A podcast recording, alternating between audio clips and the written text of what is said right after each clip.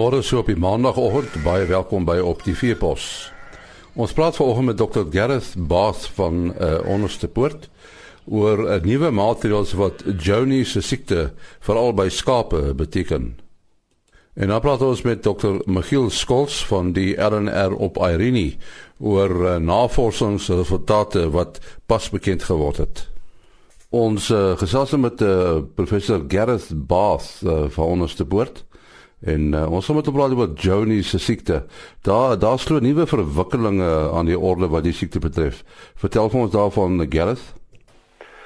En die eerste ding is dat um, ons nou eh, 'n uh, verkoperverklaring gaan inbring vir vir alle transaksies wat natuurlik lewende skape betref vanaf hierdie jaar.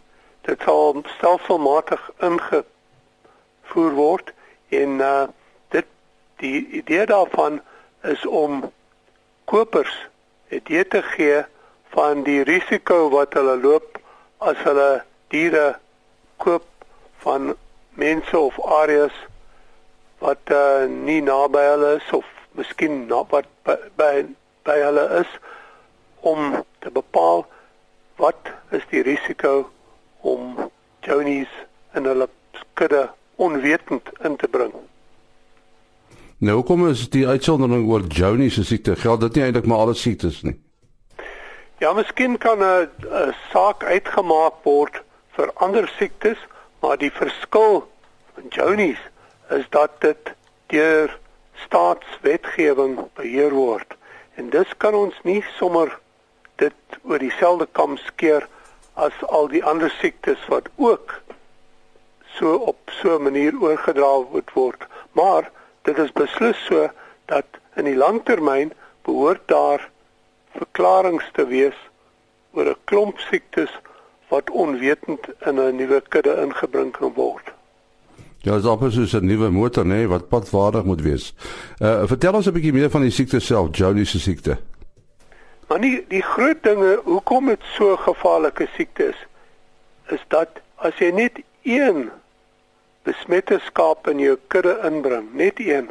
En dit lyk blakend gesond as jy dit inkoop, kan jy dan die siekte inbring en jy sal niks gewaar voor 'n paar jaar, soms tot 10 jaar later sien 'n mens hier is nou 'n groot probleem wat ek nie besef het nie. En dit is omdat uh, nie elke dier klinies aangetast word alhoewel baie van hulle wel die siekte kan oordra. En dan uiteindelik na daai tyd begin 'n mens sien dat daar meer en meer diere net uitsak.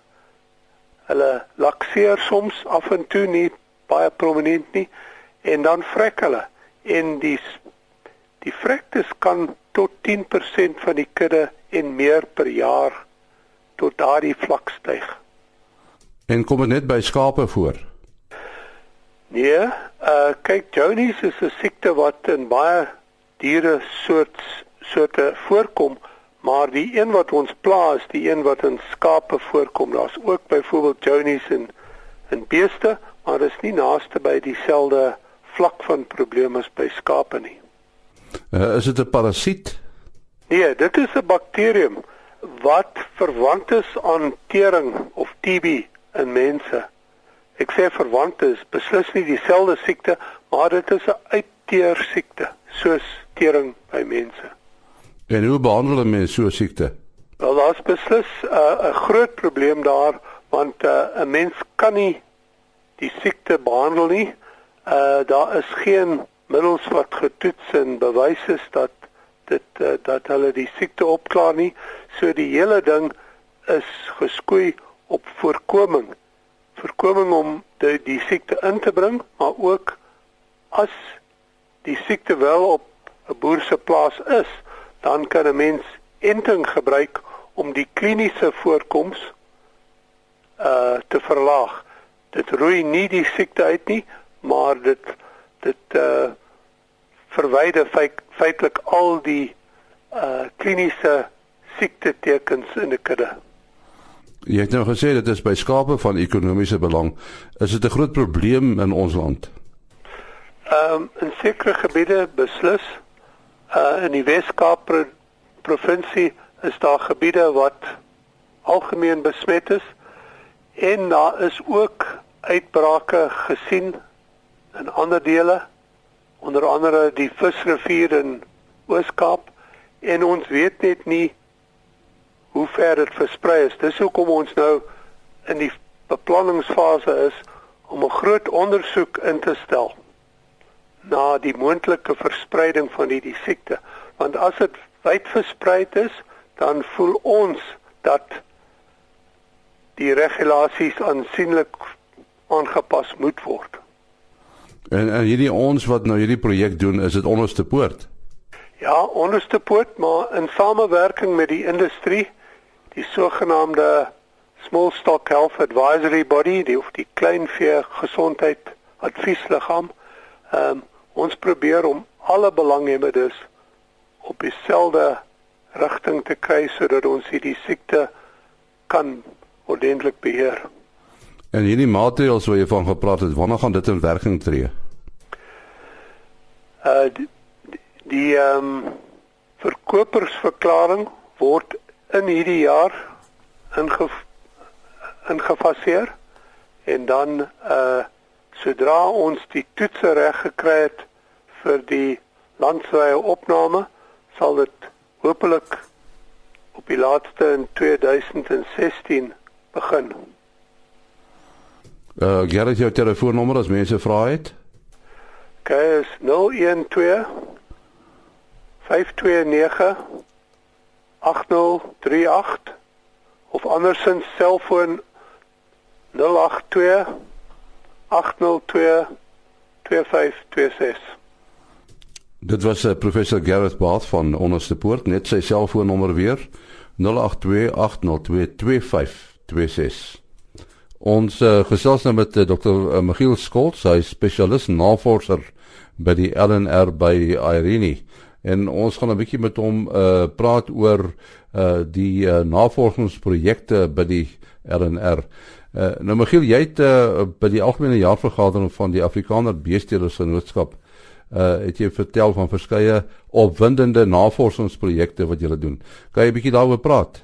Eh, ja, uh, ek sou graag eerstens net na drie projekte wil verwys wat ons voltooi het voor ek by een nuwe projek kom wat baie opwindend is. Nou die eerste projek wat ons voltooi het, het gegaan oor die genetiese diversiteit van die Afrikaner en die student daar was Lenay Pinaar. En dan 'n baie opwindende projek is een waar ons gekyk het na eienskappe waar deur koeidoeltreffendheid by vleisbeeste verbeter kan word. Die student daar was Mchabi Kolobate en uh, ons is baie trots op haar want sy het haar MSc met lof geslaag uh op grond van hierdie navorsing. En dan die derde projek het gehandel oor die genetiese en fenotipiese tendense in die prestasie van ons inheemse beesrasse. Want ons moet weet wat in ons inheemse beesrasse aangaan. Uh dan het ek ook gepraat oor 'n nuwe projek wat aan die gang is, naamlik 'n kruisdeel projek by die Vaalaards Navorsingsstasie wat ons in samewerking met die Noord-Kaap Departement van Landbou doen en dan natuurlik sonder uh, hulle samewerking sou hierdie projek nie moontlik gewees het nie. Nou Michiel, hierdie inligting wat jy bekom het oor die genetiese diversiteit, wat beteken dit vir die vir die betrokke ras, die Afrikaner ras? Uh ek dink tot ons almal se verbasing het ons gevind dat die inteling in die Afrikaner ras relatief laag is en dat die effektiewe populasiegrootte dis nou mense kan maar sê die die werklike uh, aantal diere in die ras het gestaan op 163 wat heelwat hoër is as byvoorbeeld 'n ras soos die Holstein uh waar daar kommer is oor die effektiewe populasiegrootte. So in die geval van die Afrikaner was inteling laag.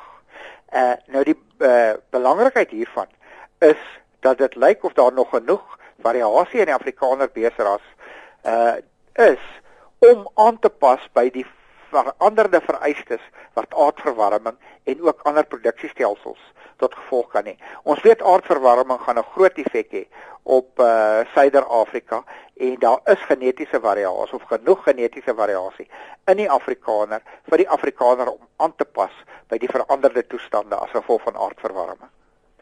En en eh, die die eienskappe wat uh, koei doeltreffendheid uh, kan kan verhoog. Wat behels dit? Daar daar's drie goed belangrik uh van belang as ons na koei doeltreffendheid kyk. Die eerste een is die gewig van die kalf. Want dit is wat die boer op die ou einde verkoop. Of hy dit die kalf nou as 'n speenkalf verkoop of bietjie later of selfs bemark. Dis tog belangrik dat hy oortentlik speenkalf speen. Uh die tweede eienskap van belang is die gewig van die koei. Want dit gee vir jou aanduiding hoeveel kos die koei nodig het. 'n Groter koei vreet eenvoudig meer as 'n kleiner koei. So die gewig van die koei is ook belangrik. En die derde en waarskynlik die belangrikste uh, uh, eienskap is hoe gereeld produseer die koeie kalf. Met ander woorde, wat sal kalfinterval wat dan op 'n 'n 'n kudde basis kan aandui wat se kalfpersentasie in die kudde. So dis die drie eienskappe waarna ons gekyk het. En en die inligting wat julle nou bekommer daaroor, hoe gaan dit vir die vir die bedryf nuttig wees? Uh ons beplan om nou hierdie inligting te gebruik om 'n seleksie indeks saam te stel. Nou 'n seleksie indeks is waar jy verskillende eienskappe kombineer en ekonom verskillende ekonomiese gewigte aan elke eienskap gee. So ons beplan om so 'n seleksie indeks saam te stel wat die kilogram kalf gespeen per groot vereenheid per jaar sal maksimaliseer. So die eindresultaat behoort dan verhoogde vleisproduksie per hektaar te wees en nie noodwendig maksimum produksie per koei nie. En as ons dan verhoogde vleisproduksie per hektaar uh kan teweegbring, gaan ons natuurlik ook die koolstofvoetspoor van beesvleisproduksie verlaag. Nou hierdie bestudering van van die genetiese en die omgewingstendense in die uh die sogenaamde inheemse rasse. Uh, wat beteken dit vir julle? Uh ons het na die vier inheemse rasse gekyk wat die Afrikaner, die Bonsmara, die Drakensberger uh en die Nguni is. En nou by die meeste van hierdie rasse het die beide die speengewig en tot 'n mindere mate die koeigewig geneties toegeneem. Wat beteken die diere het geneties groter geword? Uh die interessante is egter dat ons by die fenotipe of die gemeente prestasie, dit wat ons waarneem, nie hierdie genetiese potensiaal uh tot dieselfde mate waarneem nie. Ons het gekry dat die gemeente gewig in die geval van speengewig het toegeneem, maar dat daar by koeigewig slegs 'n geringe toename was en by sommige van die rasse was daar selfs 'n afname. So dit wat ons meet by die koeie, die koeie was nie swaarder nie, hulle was inteendeel ligter as 25 jaar terug. Nou as ons hierdie gewigte en die kalfinterval van die uh, rasse in ag neem, dan die kilogram kalf gespeen per groot vereenheid oor die tydperk van 25 jaar waarna ons gekyk het, by al die rasse verbeter. En hierdie verbetering het gewissel tussen 10% uh, en 18%. Maar die belangrike implikasie hiervan is nou dat die koolstofvoetspoor van speenkalfproduksie by hierdie rasse nou tussen 10 en 18% laer is as 25 jaar gelede, maar hierdie rasse is ook tussen 10 en 18% meer doeltreffend as 25 jaar gelede. Wat tog wys die teelers het iets reg gekry met hierdie rasse. Ja, belangrike inligting van Dr. Michiel Skols, 'n spesialis navorser van die LNR by Irene daarmee ook die einde van op die veepos. Tot de volgende keer. Mooi loop.